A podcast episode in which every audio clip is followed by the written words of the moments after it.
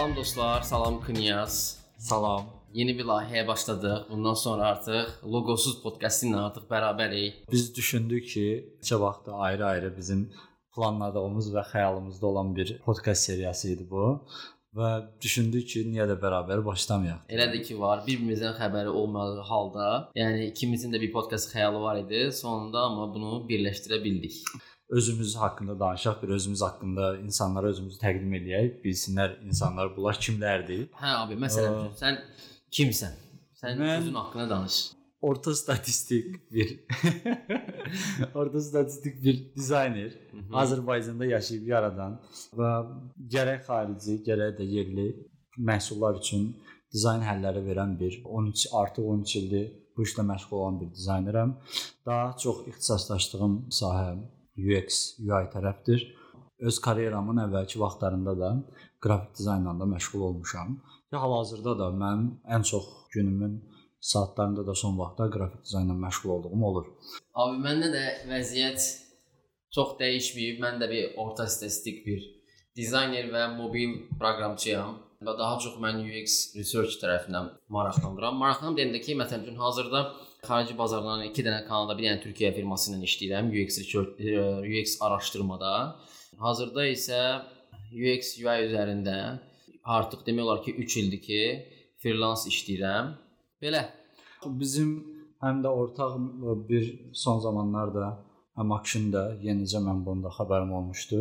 Ortaq bir də bizim ayrı bir işimiz var ki, biz Azərbaycanda bunun təhsili ilə məşğuluq. elədir. Yəni maksimum dərəcədə düzgün və ən son məlumatlı tədris verməyə çalışırıq. Mən bunu Kod Akademiyada tədris edirəm, sən isə bunu Baku Dizayn Akademiyası. Ha, Bakı Dizayn Akademiyada təqdim edirik. Əlavə də bizim işimiz budur, təlim vermək, tədris vermək. Buna görə də işimizin elə günümüzün çoxusu danışmaqla keçir deyə elə deyək ki, dedik ki, nəyə görə də olmasın ki, elə biz burada da danışaq. Əlavə başqa özün haqqında demək istədiyim şey, Bakıdayıq. Bakıda yaşayırıq. Bakıda amma ə, məsələn Akşini bildiyim qədərilə sən çox hissəsinin karyeravın ə, Mən hə, mən Türkiyədə hə, mən elə bil e, hardasa 8 il Türkiyədə yaşamışam. 3 ildə universitetlə bağlı Polşada yaşamışam. 2018-in, yox, 2019-un noyabr ayında gəlmişəm mən Azərbaycana.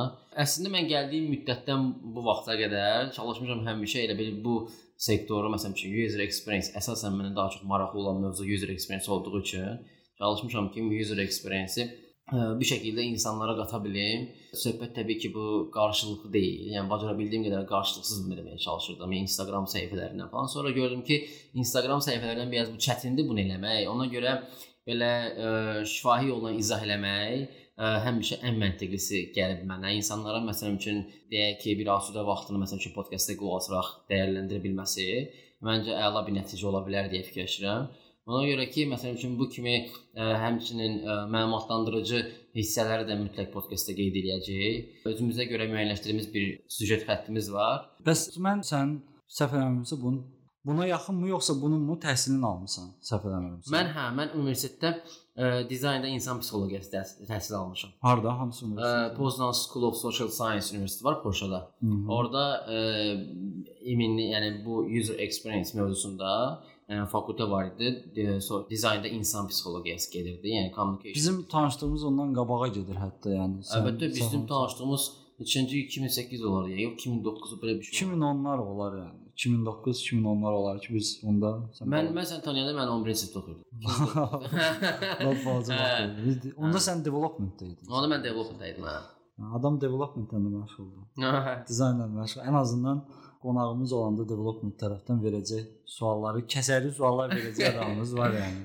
Yes, um, ümid edirik ki, özümüz haqqında belə kifayət qədər informasiya verə bildik ki, bu lazım olduqca bütün növbəti verilişlərimizdə yeri düşdükcə daha fərqli informasiyalar da verərik. Növbəti deyəcəyim bir şey bizim bir yerdə podkast eləməyə qərar verməyimiz Mhm. şeydir. Bir onun mən hekayəsini siz danışım Mhm. ki, maraqlı bir maraqlı bir şey oldu. Bizim Instagramda dialoqumuz Hə. oldu Akshinlə. Akshin deməli paylaşıb sorğu paylaşıb öz agsh.in agsh.in səhifəsində hansı ki orada da çox qəşəng kontentləri var, mən izləyirəm. Yəni yeni başlayan və yaxud da hal-hazırda aktiv dizaynla məşğul olan insanlar üçün faydalı məlumatlar paylaşır. Hansı ki, mən onu eləmək istəyirəm də çox elə həvəs və vaxt tapıb eləyə bilmirəm. Ki buna görə takdir eləyirəm səni. Çünki adı sorağı gəlir bizim Kod Akademiyada çıxır ki, müəllim belə biri var, belə şeylər paylaşırsan. Deyirəm, "Əşi." Yazır da. Yazır da. Ha, necə? Bizim podkastı bir yerdə eləməyə qərarımız və bunun adını qoymağımız çox maraqlı oldu ki, Instagramda Action bir sorğu paylaşıb ki, gün ərzində yoxsa ümumiyyətlə podkastlara qulaq asırsınız. Bu podkastı sorğunu mən görəndə dərhal dedim ki, Action podkast eləməyi fikirləşir. Mənim də əslində podkast ən sevmədiyim şey dəblə getməkdir. Hmm. Mən dəblə getməyi xoşlamıram, amma hətta bu arada bu yaxınlarda da bir dalğa oldu keçdi Azərbaycandan Clubhouse dalğası. Hmm. Yəni keçdiyini düşünürəm. Çünki hamı birdən-birə girdi, sonra hamı birdən-birə çıxdı. Düşdü. Varmı xüsusi adamlar? Var.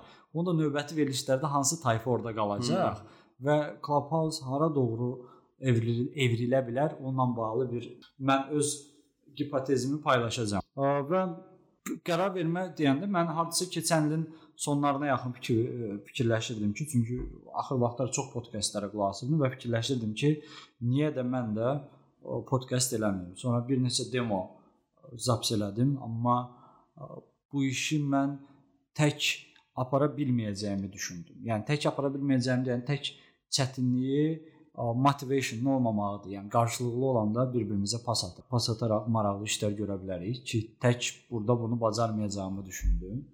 Və hələ sonra kənara qoydum bir müddətdir. Sonra elə action sorğusunu görəndə mən aksiyona yazdım, qalanın action desin. hə, heç soruşmadı ki, podkast eləmək istəyirsən yoxsa yox. Yazdı ki, həmin dəqiqə mən də istəyirəm. Mən də nə vaxtdan da fikirləşirəm podkast eləməyə, eləyə bərabər. Mən də uzun müddətdir ki, YouTube-da əslində uzun müddət deyəndə ki, Azərbaycana gələn müddət boyunca çalışırdım ki, maksimum məsələn üçün danışmağı falan xoşlayırdım amma ümumiyyətlə nəyisə məlumatlandırmağa falan YouTube-da e, videolar falan paylaşırdım, proqramlaşdırma videoları da, front-end dərsləri falan paylaşırdım. E, e, bir vaxt sonra gördüm ki, tək mümkün deyil. Yəni montajda məsələn üçün elə dəhşət dərəcədə məlumatım yoxdur.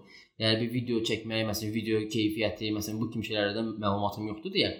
E, sonra istədim podkast edeyim və podkastda harca demək olar ki, 4-5 aydır istəyirəm.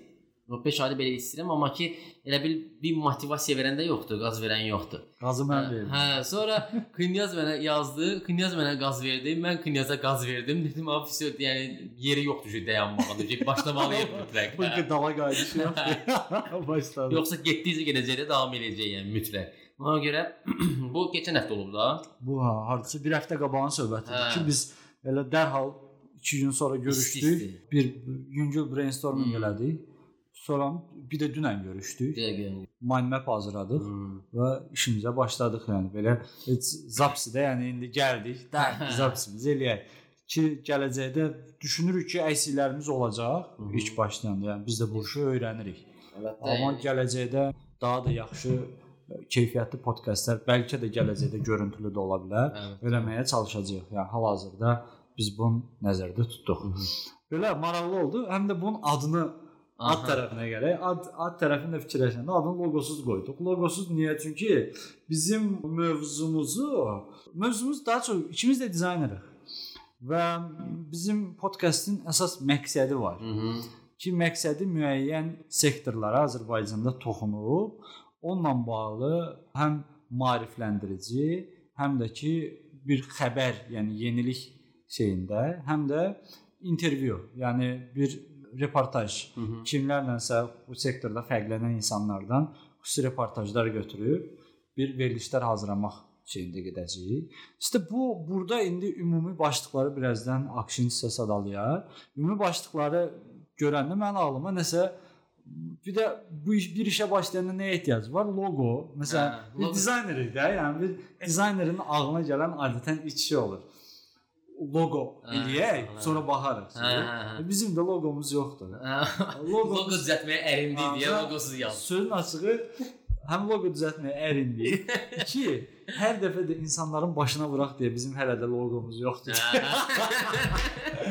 bizim hələ də loqomuz yoxdur. Rahatlıqla bunu deyə bilək deyə. Bəlkə gələcəkdə bunu loqolu da eləyə bilərik. Loqolu. Bu, bu adı belə qərar verdi, sözün açığı loqosuz. Yəni yoxdur loqomuz abi. Yəni biz beləyik. Hər dəfə bir loqo eksperiment eləyərik, baxarıq da vəziyyətə necə olur deyə. Ki podkastın məqsədindən Akşin danışa bilər. Deməli, podkastın məqsədi budur ki, biz elə bir bacara bildiyimiz qədər, yəni ikimiz də okey dizayneri, amma ki, yəni sırf ə, dizayn üzərində formalaşdırmaq istəmirik podkastı. Yəni bacara bildiyimiz qədər, okey, dizayn da olacaq həmçinin. Yəni proqramlaşdırma hissəsinə toxunacaq bacara bildiyimiz qədər. Ə, marketinq, yəni deyək ki, məsəl üçün ə, rəqəmsal marketinq olsun, məsəl üçün bu kimi hissəyə toxuna biləcək və ə, Azərbaycanda və ya yerli və ya xarici bazarda olan startaplara, mən özüm məsəl üçün startapa, Knyaz da həmçinin startaplara çox marağı var həddindən artıq reklam mövzularına dəyinə bilərik. Yəni bu kimi mövzuları biz özümüzə, yəni öz podkastımızda məqsəd olaraq götürmüşük. Bacara bildiyimiz qədər, yəni heç bir deyək ki, çox da belə necə deyim, ciddi deyil də, yəni bacara, bacara bildiyimiz qədər səmimi bir ə, vəziyyət yaradıb ə, bu mövzularda danışmağı planlaşdırırıq. Yes, yəni bizim elədiyimiz şey sadəcə dizaynla danışmarıq. Sadəcə dizaynla danışsaq müəyyən bir kütləyə ancaq xitab eləmişik. Bu özü də yaxşı bir şeydir əslində də o kütlə nə qədər böyük və balacadır Azərbaycanda ona baxmaq lazımdır. Əlavə bu dəqiqə mən dünən elə günü dünən açdım.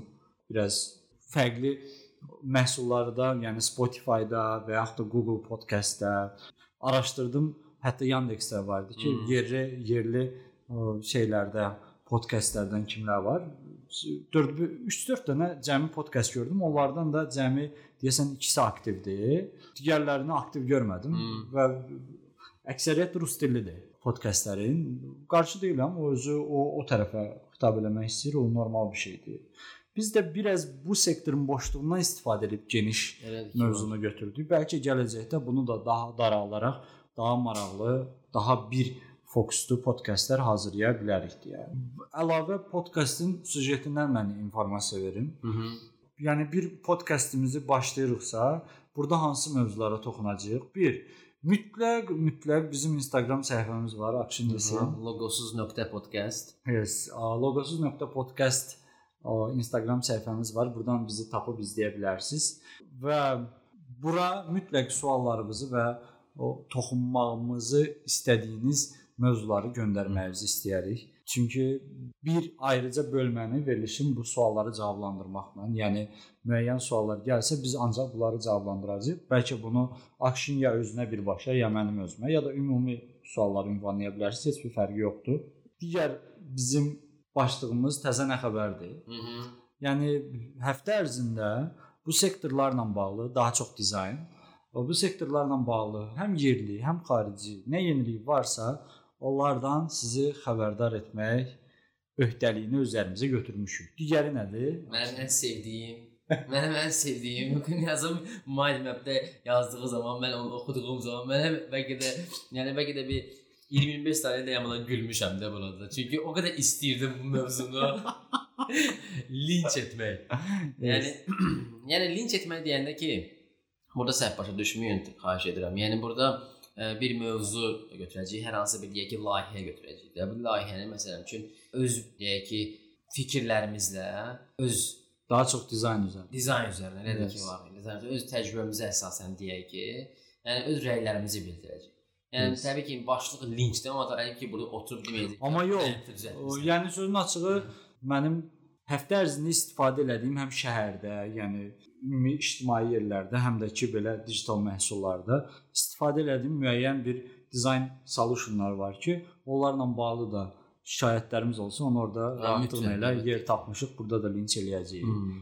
Ki sinəm doludur. Elə baya baya bu günü gözləyirəm. Hə, baya elə adi parkinqdən qalxanda liftdə bir sıxıntı yaşadım. Ücə live story atmışam orada. yəni yazdım sən. Amma yəni həm biznes tərəfi müdafiə eləmiş oldum. Deməli şey eləyirəm.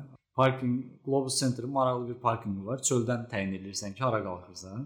Hmm. Bunu başa düşmək üçün baş lazımdır birinci. Hmm.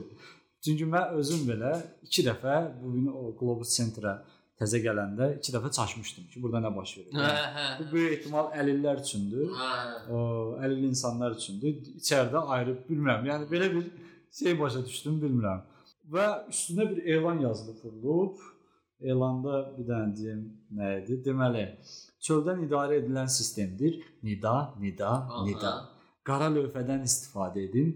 Nida, nida, nida.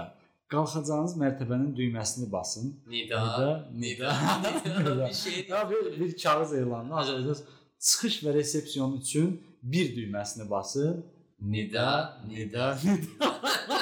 ne, yəni, yəni necə əsəbləşiblər sanki. Yəni çox sual gəlib də böyük ehtimal ona görədir. Amma bir tərəfdən də bina tərəfə də haqq verirəm, çünki insanlar 6 dənə lift varsa, 6-sını da birdən çağırmağı xoşlayırlar. Hmm. Ki hansı tez gəlsə ona minim gedim, amma əvəzində nə qədər Hmm. ziyan vurmuş onlar binaya, onu düşünmürlər heç. Belə süjet xəttimizdə sonra bizim dediyim kimi linçi dedi, daha sonra da tövsiyə, yəni müəyyən bir tövsiyələriniz ki biz açığıq buna hər zaman. Daha da Mhm. mükəmməl sizə bu podkast tərəfdən xidmət eləmək istəyə bilərik. Hmm. Və belə bir tövsiyələriniz olsa, siz tərəfdən bu, bunları bizə yazmağı unutmayın. Əlavə bizim də hər həftə çalışacağıq ki, ya sadəcə birimiz ya da ki, hər ikimiz maraqlı bir mövzu götürüb bunun haqqında qısa insanlara öz təcrübələrimizdən tövsiyələr vermək, öz təcrübələrimizi paylaşmaq. Belə bir bölməmiz də var. Əlavə bizim qonaqlarımız olacaq axşam. Aha, mütləq olacaq. De gəlsin. Süjet xəttimizdə həmçinin qonaqlar üçün də ayrı bir ə, mövzu ayırmışıq. Təbii ki, indi bu hər həftə olmayacaq. Yəni planlaşdırdığımız bir tarixdə, planlaşdırdığımız bir qonaqla deyək ki, olacaq. Amma bu hər zaman yəni fərqli-fərqli insanlar ola bilər. Yəni ancaq yəni dizayner olacaq deyə bir şey yoxdur. Heç yəni bu demək olar ki, heç bu sektordan da heç adam olmaya bilər. Yəni fərqli bir kateqoriyada, iş kateqoriyasında olan insanlarla yəni fikirlərə çox maraqlı olacaq doğrudan da. Yəni belə bir qonaqlı podkastlərimiz də olacaq mütləq. Yes. Bugünkü bizim əslində birinci çıxışımızdır və mənim əslində düşünürəm ki, Akşinin də publikdə paylaşılan ilk podkastımızdır, yəni belə bir şey.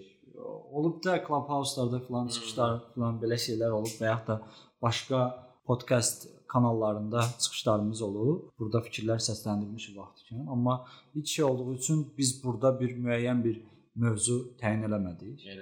Deyək ki, bir özümüzü təqdim eləyək dedik. Məqsədimiz nədir? Nə istəyirik dedik və ümumi mövzusuz bir veriliş aparaq dedik və gələn həftəyə artıq gələn həftəyə yeni bir ə, maraqlı bir mövzu ilə və onun ətrafında maraqlı bir ən azı bir 1 saatlıq 50 dəqiqəlik bir veriliş hazırlamağa çalışacağıq. Əslində biz başını buraxsaq çox gedər. Əlbəttə ki. 2 saat 3 saat danışa bilər. 2 saat 3 saat danışa bilərik yəni. Onu yarım saat gülməyə hesabla. Başqa biz dedik ki, yaxşı, bəs bu qədər qısa podkast olmaz. Heç olmasa bir yarım saatı sıxaq. Hə, hə. Bizim də 10 dəqiqəmiz var. Niyə deyəndə dedi heç nə action. Ya, havadan sudan danışarıq. Havadan sudan məlumat verərik, nə baş verir deyə. Havadan sudan nə var, nə yox. Abi havadan sudan, havadan sudan buralara valla nəsə maraqlısı odur ki, vaxtımı vaxtımı çox yaxşı dəyərləndirirəm həddindən artıq. Nə edirsən məsələn? Necə dəyərləndirirəm? Səhər action necə durur? Səhər səhər valla 7-də yuxudan dururam. 7-dən yuxudan dururam, biraz kompüterdə ki, nə bilim, test falan yazıram məsələn, günlük testləri yazıram. Yazırsan Hə, mütləq. mütləq. Saat qoyursan yoxsa qoymursan? Nə, nəyə? Təsdiqlərə. Testlərə yox hər şey. Ha. Bəs yadımdan çıxmasın deyə günlük testlərimi yazıram ki, bunu nə edəcəm, nə edəcəm, hamısını artıq test üçün də bu arada Notion istifadə edirəm. Notion əladır. Mən Hmm. düzdür Dropbox-un şeyin premium hesabını işlədirəm. Hmm. Dropbox biznes var məndə. Hmm. Paper işlədirəm, amma əlavə də Notion var. Yəqin gələcəkdə Notion-a köçsəm, amma Paper da qayət çox qəşəngdir. Ha. Dropbox Paper istifadə eləməmişəm. Hə, məsələn Notion çox xoşuma gəlir. Hə, task management istifadə edirəm. Orada sonra hmm, günlük təslim yazandan sonra isə tam özümü aldatmayacağam. O olur məsələn günlük səhər dururam, 20 dəqiqə workout edirəm. Əşi. Əşinə qaşına qaşına dururam, güclə dururam. Yo rutin ol, rutin olmağı yaxşı bir şeydir. Hmm. Məndə rutin var. Yəni mən sonuncu bəlkə 4 ilimdir, 3 ilimdir ancaq xüsusi bir səhərim aydındır da mənim. Hmm. Yəni səhərim bəllidir ki, açan duracağam. Falan vaxtı nə etməliyəm, falan vaxtı nə etməliyəm. Təzəcə kəşf elədiyim, yəni mən təzə kəşf elədiyim deyil əslində, təzəcə vərdiş elədiyim. Son dekabrdan bu yana, ondan qabaq günün fərqli saatlarında olurdu məndə. Dekabrdan bu yana səhərlər bir minimum 1011 saatımı mən ancaq həm ə, dizaynla bağlı, həm də ki fərqli. Yəni mən əsas son zamanlarda maraq saldığım sahə həm ə, astrofizikadır, həm də ki şeydir. Aha. Fəlsəfə bir. Yəni Nədən mizan? çox dərinə girmədən Hmm. üzdən məlumatlanmaq istəyirəm. Ona görə fərqli-fərqli belə kitablar oxumağa çalışıram. Dizaynla bağlı son vaxtlar qaz vermişəm, amma dizaynla bağlı bir kitab başlayıramsa, araya mütləq başqa bir kitab salmalıyam, yoxsa uje Abi necə dizaynla bağlı kitabı? Mənim maraqlıdır. dizaynla bağlı kitab məsəl üçün ən sevdiyim oxumaq oxuduğum kitablar biraz son dövrlərdə oxuduğum UX-in biznes tərəfidir. Bununla Ha. bağlı kitablardır. Yəni sırf UX, mitinqlər, anketlər, sonra ə, komandanın menecmenti bununla bağlı kitablardır ki, bunun əslində mənə tələbələrim hədiyyə verib bu kitabların hamısını. Hmm. Yəni son şeylərdə mən belə bir qayda qoymuşam ki, ki hansısa tələbəm bir iş tapıb ilk maaşını alanda mənə bir Hmm. dizaynla, hə, sırf dizaynla əlaqəli bir kitab alsın və yaxud da fərqli bir şey. Mənim maraqlarımı bilirlər, onsuz da sinifdən tanıyırlar. Fərqli bir şey, bir kitab maraqlı bir kitab alsın. Hə, deyə o kitablardır ki, onlar hamısı yığılıb. Hmm. Amma bir yandan da bir hardasa bir ay qabaq 10-15 dənə də stoka mən özüm kitab aldım. Hmm. 15-ə yaxın dizaynla bağlı ki, elə bu il onları oxusam mənə bəs edir. Tipoqrafika ilə kitablar çox maraqlı olur. Çox maraqlı olur tipoqrafika ilə kitablar. Bol şəkilli kitablar da var. Hə, hə. Məsələn açırsan, məsələn brendinqlə bağlı şeylərdir. Amma kitab özü böyük görünməyinə baxmayaraq sən onu deyə. 4-5 günə tükətəcəyin bir kitabdır da. Hmm. Orada hekayələr maraqlı olur. Şey, hansı kitab? Səndə bir dənə kitab var. Deyirsə yadıma gəlmir 2018-də dedi belə bir şeydi. Nəsə loqo ilə əlaqəli. Ha, loqo dənə qaldı. Kitab. modernizmdir. o. Hə, elə O belə deyim də logo dizayn ensiklopediyası sayılır. Pikidir. 6 kilo çəkisi var. Hə, çox yekə idi. Çox bibliyadır da, yəni Hmm. bildiyin yekə bir qalın bir logo logo dizaynerlərin müqəddəs kitabı. Sonra bir dənə də kitab vardı. Onu səndən sonra götürdüm mən oxudum bir şey. Yoxsa bir aldım mən onu. Türk dilində idi. Reklam ajansları idi, yoxsa reklam adamları idi. Belə bir şey idi. Ha ha. Qırmızı ağ kitabı. Ha, nəsə elə bir şey var. Hə, Doğru, doğru. hə, o kitabı elə çox xoşuma gəlməmişdi açığı. Amma mən şey kitablarını heç xoşlamıram, necə kitabları.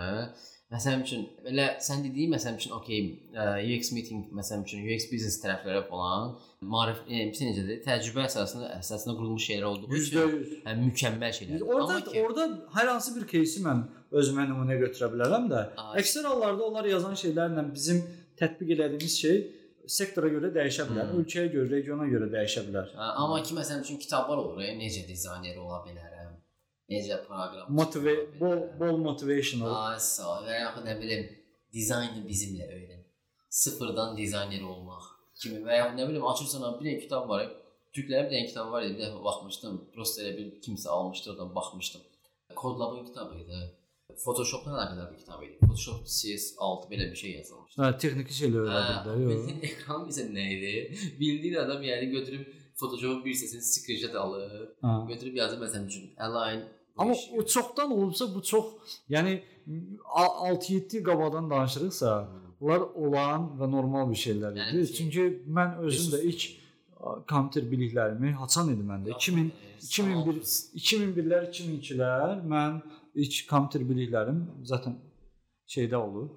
Ə, Liseydə oxuyan vaxtlarımda olub. Orada da biz kitabdan oxuyurduq. Yəni Hə. şəkillərinə step by step baxar. Hətta yəni mən əlavə dizayn proqramlarını Illustrator falan yadımda 28 mayda disk dükanları vardı. Oradan saytların download olmuş versiyalarını götürüb şəkil-şəkil biz Hələ qabaq yadında işləyərdik. yəni. Onda 2011-də sənin bir dənə disk setin var idi. Sanal kurs.net-dən adı şey, Adobe Flash. Sanal öyrətim. Sanal öyrətim idi. Mən oradan Flash-la After After Effects Effects almışdım. After Effects almışdım, Flash-la Yanıma After gələn, Effects. mən ofisə gələndə gördüm oradaydım, baxırdım. uzun disklər idi, keylə zaten. Qalınlığında disk qapı idi yanında da. Aynen. Dolu da indi ətrafımızda Aynen. dolu. Çox sürətlə dəyişdi hər Hmm. şey. Çox sürətlə dəyişdi. Hmm. So işdə işdə nə edirsən? Məsələn, siz komandada Valla neçə nəfərsiz nə işləyirsiniz? Ə, mənim mən Lütfuzadədəyim də, bilirsən də, Lütfuzadədə otururam. Lütfüzadə necədir? Yəni o ortam olaraq burada, yəni məsələn bir d- proqramistin, dizaynerin bir müddət sonra burdan yox fərqli bir yerə keçim də daha da produktivliyim artsın deyə düşünə bilər, bilmirəm. Abi tam səmimi deyim sənə. Ha. Ə, Lütfüzadə xaricində alternativ Azərbaycanda azdır təəssüf. Ha, yox Yəni da. Azərbaycan təəssüf ki, azdır. Və buradakı networking yaxşıdır. Yəni burada insanlar arası əlaqə, ümumiyyətlə sektorların bir-birinə yaxın olması, yəni o baxımından yaxşıdır. Lütfüzadə özü bir şey eləyirmi bu networkingin artmağına bağlı, Əlbəttə yoxsa hər ki. şey doğal? Yo, yo, yo, onlar indi haqqlarını yeməyib, məsəl üçün bacara bildiyi qədər eləyirlər. Sosial media platformalarından falan məsəl üçün bacara bildiyi qədər bu hədəf kütləyə uyğun insanları yığmağa çalışırlar da, proqramçıdır, dizaynerdir, Hmm, marketoloqdur, hmm. bunları falan yığmağa çalışırlar.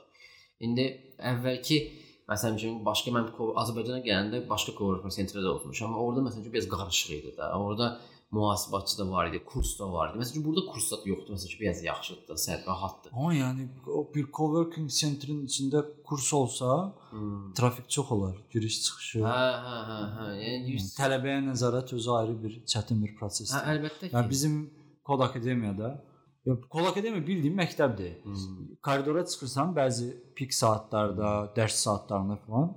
Yəni koridorun bu başından o başına gedirsən, ya akademiyanın bu başına o başına gedəndə özünü əməlli başlı məktəbdə hiss edir. Çünki hər hələ 3-4 sinif birdən yəni breakə, tənəffüsə çıxırsa, Hmm. onda yəni tam başqa belə içəri yaxşıdır mı, maraqlıdır, amma bir məktəb kimi ortam olanda Hmm. maraqlıdır. Amma bir mən məsələn fərqli yerlərdə də var, düz deyirsən, Hmm. coworking sektorlarda şeylər, onu anlaya bilmirdim yəni. Hə. Məsələn bir də görürsən tutaq ki, bir coworkingin ortasında, amma bilmirəm, yəni bəlkə də ilk başlayanda elə olmalıdır. Burada Yəni, məsələn o üçün bax, mən burada indi hamı ilə aram yaxşı, hamı ilə səmimiyəm məsələn üçün. Çünki ya, hamımız eyni dil danışırıq deyə məsələn üçün rahatdır da məsələn üçün mənə. Yəni buradakı insanlar elə deyək ki, bir həftə əvvəl tanışmışam, amma elə bil ki, 1 il tanışıq da. Çünki eyni dili danışa bilirik. Oturduğumuz yerdə məsələn Hmm. hmm. mövzuda artıq istədiyimiz mövzuda danışa bilirik. Məsələn üçün iqtisadda o networking hissəsi yaxşıdır. Əslində mən də bura gələndə hamını tanımış oluram. Ay, Yəni. Girirəm, hə. əksəriyyət tanış insanlar. Hə, mən özüm burada otururam. 16-cı mərtəbədə də bir dənə komandam var. Bir də 2 dənə də Türkiyədə e, outsource işləyim adam var. Hı -hı. Buradan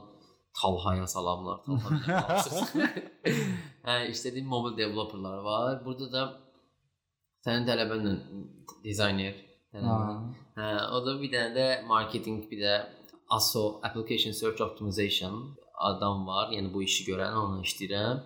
Elə belə özümün layihələrim var. Mən bilirsən də startup kulluyuram. Kulluyuram yəni ki, Danda da reklam reklam vaxtı, reklam vaxtıdır. Yox, şey reklam eləyəcəm. Nətər gedir onluq? E, onluq yaxşıdır. Onluq satışda da eləyib eləyib. Bug'ı var ha. Bug'ı var ha. vallahi Bug'lar bug'lar yıxılır ha vallahi. çoxdur. Ağlayır yəni. Açan kimi bug'ı gördüm. Açana alfa versiya. Alfa versiyaya hələ keçməyi planlaşdırıram düzü mayın axırına. Ə, çünki indi bacara bildiyim qədər feedbacklər yığıram. Harısı dəhşətli dərəcədə feedback yığmışam. Yəni hələ ki tamamlamamışam da. Elə bir komanda halında işləyirik. Bacara bildiyimiz qədər, yəni sürətli işləməyə çalışırıq. Amma ki ucu dayanmır da. Məhsulun özündə səndən başqa insan varmı? Nətər yəni? Yəni məhsul, məhsulun sahibi olaraq səndən başqa insan varmı? Var, var, var. Hə, Hə. okey. Hə, bir nəfər daha var. Amma ki o elə bil investor tərəfindədir. Allah, Allah yaxşı. Hə. Ə, yaxşıdır. Mənim bacara bildiyim qədər açığı Çörək verən app olacaq da deyirsən. hə 100%. 100% çalışıram ki, onluq biraz çörək. Yo yaxşı bir şeydir əslində. Hmm. Adını ə, mən yəni bir neçə nəfər çox önəmli insandan adının yəni mənim üçün çox önəmli insandan adının çox uğurlu olduğunu eşitdim. Doğru. Qəşəng adı. Bu super addır dedilər. Möhtəşəm addır. Ha, Ya bu ad gedər. Ki bilmirəm yəni bir ad nə qədər mən startapdan Hə. çox elə startapları izləməyi sevirəm mən Hə. kənardan. Çünki mənim özüm qaranlıq startaplarım olur da, yəni öz dünyam var, orada takılıram. Startup deməyək də ona başqa bir şeylərdir. Hə. Yəni özüm üçün freelance işləyən adamam. Mən Ə, Amma yəni bir startup üçün deyir ad, adlandırma Hmm. önəmlidir. Yadda qalanlıq, onluq möhtəşəmdir. Mən özüm də deyim ki, onluq mükəmməldir. sağ ol. İndi sən o onluğu at bir onluq mu nəzərdə tutsan yoxsa onluq Abi açığı ya 10 manat olacaq hər şey yoxsa 10 manat deyib keçirdim, bir gördüm birisi 3000 manat yazıb. Oha. Hə, düzü indi onların hamısını fix deyəcək. Fix deyil. Siz ona nəzarət eləməz. Hə, nəzarət edirik. Bir də ki, o məsələn üçün baz- artıq bir sonrakı update-də məsələn üçün o kimi şeylər limitli sayda olacaqdı. Yəni Nə qədər istifadəçi var hazır? İndi hazırda 300-ü keçib. 300 Hə, keçir. hə. 6 fədən satış olub. 6 dənə satış. Mükəmməl. O satışların hamısını public eləyəcək, hər kəs görə biləcək. Və satışları olub, insana qazandığı paraları Aha. öz kartlarına aktara biləcəkmi? Əlbəttə ki, Ha, rahat. Ha, atıra bilirlər. Super. Ha. Yəni bir dəqiqə açığı mən startap olaraq irəliləmək istəmirəm. Yəni o investment söhbətindən falan aslında qaçıram. Aha. Çalışıram model bilmədə gəlir modeli. Ya, okay. Biznes model olaraq planlaşdırıram. Ümumiyyətlə mən application falan hazırlayanda da ancaq elə bil olur ya belə abunəliklərlə yaşayan proqramlar. Məsələn üçün o tip subscribe. Aysa subscribe subscribe temalı proqramlarını gedirəm də mən. Zaten gələcək subscribe. Elədir ki var. Yəni gələcəkdə mən düşünürəm ki, hmm. girib marketdə də alış-veriş eləyəndə subscribe ilə alış-veriş eləyəcək. Yəni müəyyən paketlər var, o subscribe ilə. Yəni mən gələcəyin hər şeyinin hmm. subscribe üzərinə qurulub ki, indiki həyatımda belə mən keçən baxdım ona yaxın məhsula subscribe-am. Heç xəbərim yoxdur. Yəni hmm. heç buna nəzarət eləməmişəm. Lazım olub sab olmuşam. Ona yaxın məhsula subscribe-am. Yəni hmm. bu gör nə qədər qarşı tərəfə sərfəlidir hmm. deyə. Həm də yəni belə deyim də, bir dəfəlik məhsul almaq çox baha başa gəlirdi əvvəl. Yəni əvvəl Adobe-un bir proqramını alırdınsa, neçəyə başı gəlirdi hmm. adama. Adobe bir dəfəlik satış edirdi ki, mən heç o bunun tərəfdarı deyiləm. Hmm. Mən yəni bir dəfəlik iş, işimi satmaq hmm. şeyinin kafasında çox az oluram da. Yəni bir loqo yığıramsa, tam sataram, bir sayt yığıramsa sataram, amma çalışaram ki, uzun müddətdə, uzun vadədə kira kirali kiraya verim yəni. Ya bu Adobe proqramları indi subscribe-dadır. Bu daha sərfəlidir. Çünki sən bəlkə 1 aylıq bu Photoshop lazımdır. 1 ay tətbiq eləyəsən cəmi sən bunun 15 dollar, 20 dollarını ödəyib hmm. Photoshop-u istifadə edib dayandıra bilərsən. Hə, hər iki tərəfə win-win. Sərfəli bir şeydir məncə. Yəni. Hmm. Ah və keçən dəfə bir dənə dostum deyir ki, və ciddi-ciddi soruşur məndən. Deyir ki, Fiverr var, ha, Fiverr. Fiverr da onluq tipi bir şeydir axı, yəni. O, o məntiqdir də. Hə, hə. Ə, deyir ki, action deyirsən, onluğu adını şeydən fikirləşmisən. Fiverr, 5, sonra evronu Azərbaycan konvertasiya eləmisən, 5-i 5-i vurmusan 2-yə, 10 olaraq fikirləşmisən. Ciddi ciddi Mən də deyirəm də ha, bilirəm də. Deyir mən amma ciddi fikirləşirdim ki, elə fikirləşmisən. Niyə o qədər gedim axı? O dərinliyə gedib ki, hə. Bitdi. Hə, onluğun əslində 2 dənə mənası var. Biri məsələn üçün qiymət olaraq məsələn üçün 10 manatdan 10 onluq olaraq fikirləşməsi, bir də ki məsələn üçün onluqdur da, yəni bu onluqdur. Yəni sən belə deyim, hədəfləndiyin, yəni sənin belə daha çox potensial mən nədən düşünürəm? Məsələn, tapaz var da Azərbaycanda. Hansı ki insanlar girir oradan nə deyirlər buna? Hand to hand, hə? Hmm. Düzdürmü? Yəni əldən ələ müəyyən bir məhsulu satırlar. Hmm. Onlayn ödəmə olmadan. Bunu qoyun. Amma insanlar orada tanışlıq üçün də istifadə edir oranı. Hmm. Sabah onluğun sizin sizin sizin düşünmədiyiniz yerə gəlmə ehtimalı varmı? Buna Yo, nəzarət edirsiniz. Yəni, qətiyyən 100%. Biz onu sonra bir təsdiq etmədən keçiririk. 100% onun qabağını alırıq mütləq. Yəni ən xırda şeylərə belə məsəl üçün fikir veririk də. Yəni adam bir elanı açıqlaması, məsələn, telefon nömrəsi yazır, məsələn, onu qəbul eləmir. Yəni o əslində freelancerin özü üçün yaxşıdır da. Məsələn, sizdə burada... müəyyən moderationdan keçir. Hə, mütləq, mütləq. Hmm. Yəni o freelancerin özü üçün yaxşıdır. Bu freelancer elədir ki, məsələn üçün adam ödəniş eləməyə də bilər. Adam məsələn üçün, yəni deyək ki, freelancerin deyək ki, təcrübəsizliyindən deyək ki, adam ödəniş eləməyə bilər və yaxud 50-sini eləyər, qalanını eləməz. O statik şeydir də, send invoice freelancerda. Ona görə əslində yəni bir şəkildə əgər sən onluq proqramından qaçırsansa və yaxud müştərivi onluqdan götürüb amma ki öz aranda həll etməyə qaçırsansa sən itirəsən əslində. Çünki Aynen. sən çünki ödənişin onsuz da onluğun hesabında qalır. Nə vaxt ki təsdiq etmə olur, onda sənin balansına gəlir. Yəni sənin pulunu biz qoruyuruq əslində. Belə desktop desktop versiyası gəlir yoxsa? Desktop versiyası hələ ki fikirləşməmişəm. Hələ ki mobil üzərində. Yəni, insanlar mütləq kompüter yanında açıq qoyacaqlar, həp ki, zakaz gələcəkdir. hə, desktop versiyasını yəni açıq hələ fikirləşməmişəm. Yəni mən həmişə bir tələbələrimə dediyim bir məsləhət var. Deyim, gələcəkdə ola bilər ki, siz dizayner olasınız. Gələcəkdə hansısa bir dizayn komandasında tam junior və yaxud da daha yaxşı vəzifələrə gəlib çıxasınız. Hmm. Amma gələcəkdə əlavə də mə məsləhət bir girişim, bir startap eləməkdən çəkinməyin. Çünki sektorunuz buna əl verir. Sektorunuz buna uyğundur. Yəni niyə də sizin kimi gənclər gedib maraqlı hmm. startaplar ortaya qoyub bəlkə də tutsa Azərbaycan üçün, yəni həm də sektor üçün çox böyük yeniliklər eləyə bilər. O qatqılar eləyə bilər. Mən həmişə dediyim orada bir söz var ki, ümumiyyətlə bir məhsul düşünürsə digital, appini yığın, saytı vaxtınız olanda eləyərsiniz. Aynen. Çünki app daha önəmlidir. Hmm. App daha əl çatlandı. Bunu həmişə deyirəm mən. Ona görə də elə daha düzgün addım Bir atdığımı şey- düşünürəm mən. Sağ ol. Bir şey e, ümumiyyətlə öyrənəndə əsasən düzü proqramlaşdırmada bu daha çox real olur. E, öyrənəndə e, deyək ki, bir layihə üzərinə öyrənəndə hər zaman məncə daha keyfiyyətli iş görə bilirsən. Deyək məsələn dizayn öyrənirsən və ya proqramlaşdırma öyrənirsən. Əgər ağlında reallaşdırmaq istədiyin bir dənə layihə varsa, o layihə üzərindən məsələn üçün nələrsə öyrənirsənsə, onda sanki daha çox vaxt var. Bax bu tamamilə sənin təcrübə əsasən deyim. Mən iOS proqramlaşdırma dilini öyrənəndə Abi fikirləş 6-7 ay dayanmadan tutoriala baxıram da. Gecə saat 3-ə 4-ə kimi otururam iOS tutoriallarına baxıram. Özdə fərqli-fərqli mövzu ə, kurslardan, Udemy-dən kurslar almışam. Otururam məsələn onu bitirirəm, keçirim o birisinə. O birisini bitirirəm, birisinə. Görürəm ki, yerində sayıram. Adamın elə bir düzəltdiyi məsələn üçün zər oyununu, eynisini kodunu yazıram, götürürəm, eynisini yazıram. Elə bilirəm ki, özüm eləmişəm. Elə bir sevinirəm ki, elə bir zər oyununu düzəltdim iOS-da. Halbuki onun kodunu yazdığını eynisini yazıram. Ondan sonra dedim mən bu həyat belə getməz, lənət gəlsin dedim.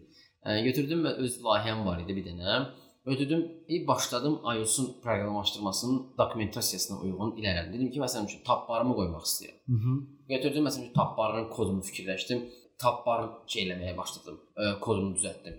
Tab barın arxa fon rəngini dəyişdirmək istəyirəm. Yenə təzədən Apple-ın dokumentasiyasına tab barın ə, rəngini dəyişdirmək lazımdır. Elə öyrəndim. A, gördüm ki, 7 ayda öyrəndiyimi artıq 2 ayda rahat şəkildə öyrənə bildim. Yəni bir layihə üzərində nəsə öyrənəndə hər zaman elə bir Mükəmməl. addım atır qabağa. 100% Hmm. mükəmməldir. Yəni mən özümün də ə, bir neçə dəfə, yəni publicly yox da şəxsən girişimlərim olub fərqli-fərqli. Oradan bilirəm ki, hər təzə bir mövzuya girəndə biz nə qədər yeni şeylər öyrənirik. Abi Yəni, nə qədər yeni şeylər öyrənirik. Hansı ki, kənardakı bir adamın adaptasiyonu alır, uzun müddət vaxt ala bilər. Sənin bir dənə layihən var idi. İnanırsan, hər gecə yatanda bəlkə də o layihə ağlından çıxır. Yəni içimdə o qədər ufdə qalıb o layihə. Layihə? case, Hansı? telefon caseləri də. Ha, telefon keysləri qaldı o logo məni məndən almışdı. ülvi ilə, da. ülvi ilə girməyə planlayırdığım. Ayda. Loqomu satdım mən kiməsə deyəsən. Az kiməsə satdım mən loqomu səfəyəmsə. Əlində qalmışdı 4 satdı. 4 qabaq falan, koala ilə olan. Ay sağ çox qəşəngdir. Bilirəm ha, yadımdadır. Ha. Satdım deyəsən. Sayt da sanki hazır kimi diyor. Sayt da hazırdır, hər şey. Da Custom sadəcə bu texnika ilə bağlı problemlər oldu. Hmm. Çox elə informasiya verməyək. Nə idi, nə deyildi, amma yəni Azərbaycanda bu dəqiqə doldu. Eləncə bizdə. Ha. Onlayn mı? Deyil onlayn, amma doldu. Yəni Instagram üzərindən var. Söhbət elədik. Sən məndən soruşmaq istədiyin bir şey varmı? Sən nə edirsən abi? Nəsə ağlında fikri var ümumiyyətlə? Nə etməyə planlaşdırırsan? Bir sonraki Yəni mən nədir? bir sonraki ağlımdakı növbəti podkastımızda Yəni bir mən belə düşünürəm ki, yaxşı bir işə girişmişik. 100%. Yəni mən həftədə 2 saat, 1 saat oturub söhbət eləmək bununla bağlı və bunun da rekordunu tutmaq kimi gözəl bir şey ola bilməz yəni. Buna ehtiyac ya. var idi. Ha, 100%. Buna ehtiyac var idi. Biz yavaş-yavaş bunu inkişaf elətdirəcəyik və doğrudan da yəni hədəfim budur. Bu, bu aralar fokusum podkast. Hmm. Heç olmasa həftədə mən bir ə, bir neçə saatımı buna ayırıb maraqlı kontentlər akşinlə bir yerdə təqdim eləmək. Digər təhsildir. Təhsilin üzərində yəni bu dəqiqə fokusumuz təhsil tərəfdir bu işin. Daha da yaxşı, daha da yaxşı, daha da yaxşısını, daha da yaxşısını necə eləyə bilərik deyə ancaq bunun haqqında düşünürük yəni. Bunun üstündə işləyirik. Qabaqdan yay gəlir, ümidlərimiz var.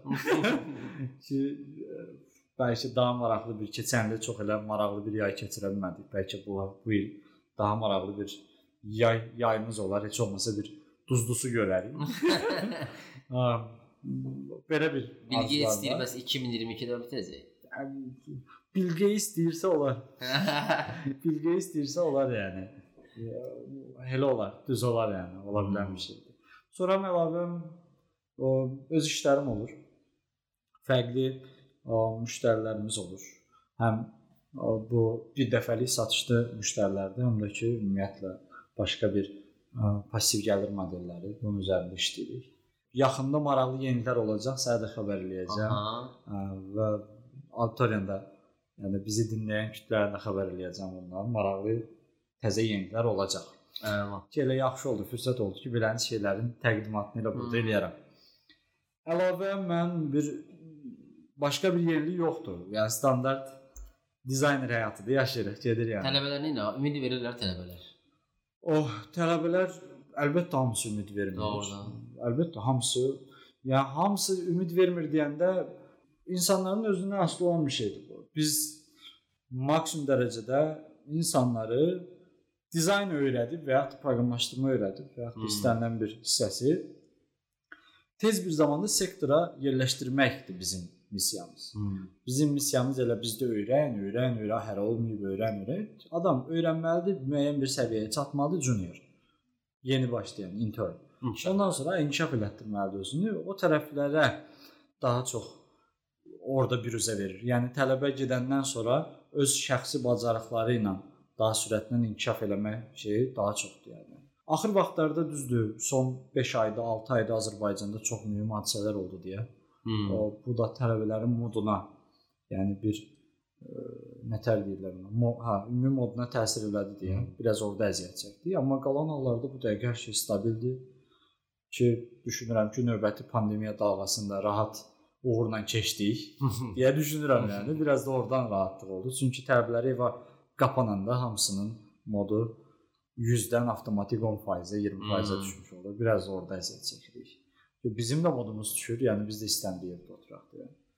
Hələ ki dərslər tələbələr ümumi belə qane edilir, amma yavaş-yavaş o təhsillə bağlı şeylərə girəcəm. Hmm. Digər verilişlərimizdə. Biz dedik ki, dünən Akşinlə ki, nə danışaq, nə edək deyə. Heç nə dedim, gəl 20 dəqiqə, 15 dəqiqə bir salamlama eləyək, gəlin veriliş davam eləyərik. Hə. Başlamışıq da 45 dəqiqə olub bir xəbərim var. Doğrudan deyirsən. Oha lan. 45 45 dəqiqədə danışırıq yəni.